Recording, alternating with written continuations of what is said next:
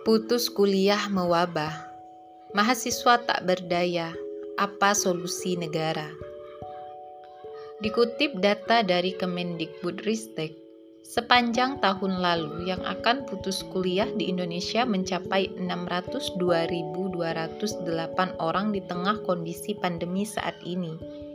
Selain kesulitan biaya kuliah yang memberatkan, para orang tua juga mengalami kehilangan pekerjaan akibat PHK di masa pandemi saat ini. Di manakah peran negara? Walaupun pemerintahan Jokowi mengeluarkan Kartu Indonesia Pintar Kuliah atau KIPK dan adanya keringanan uang kuliah tunggal atau UKT, hal ini hanya meringankan sebagian kalangan saja. Namun sayangnya, meskipun pembelajaran daring yang selama ini dilakukan di tengah pandemi, biaya kontrakan atau kosan, biaya makan, biaya kuliah, biaya wisuda, baju wisuda, dan biaya gedung hingga SPP tetap saja harus dibayar.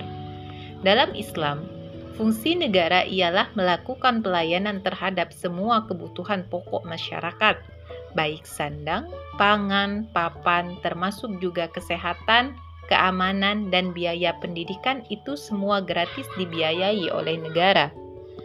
Hal ini tentu saja jika negara mampu melakukannya, maka masalah faktual yang terjadi akan segera tertangani.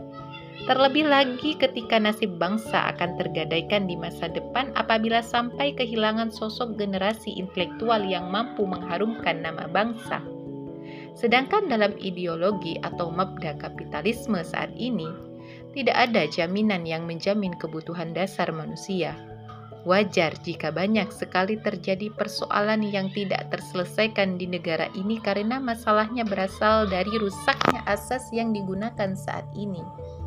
Maka dari itu, hanya kembali kepada sistem pendidikan Islam sajalah yang sudah teruji, berkualitas dan menghasilkan generasi cemerlang pengisi peradaban Islam di masa dulu dan di masa yang akan datang. Tentunya semua ini hanya bisa diterapkan dalam naungan khilafah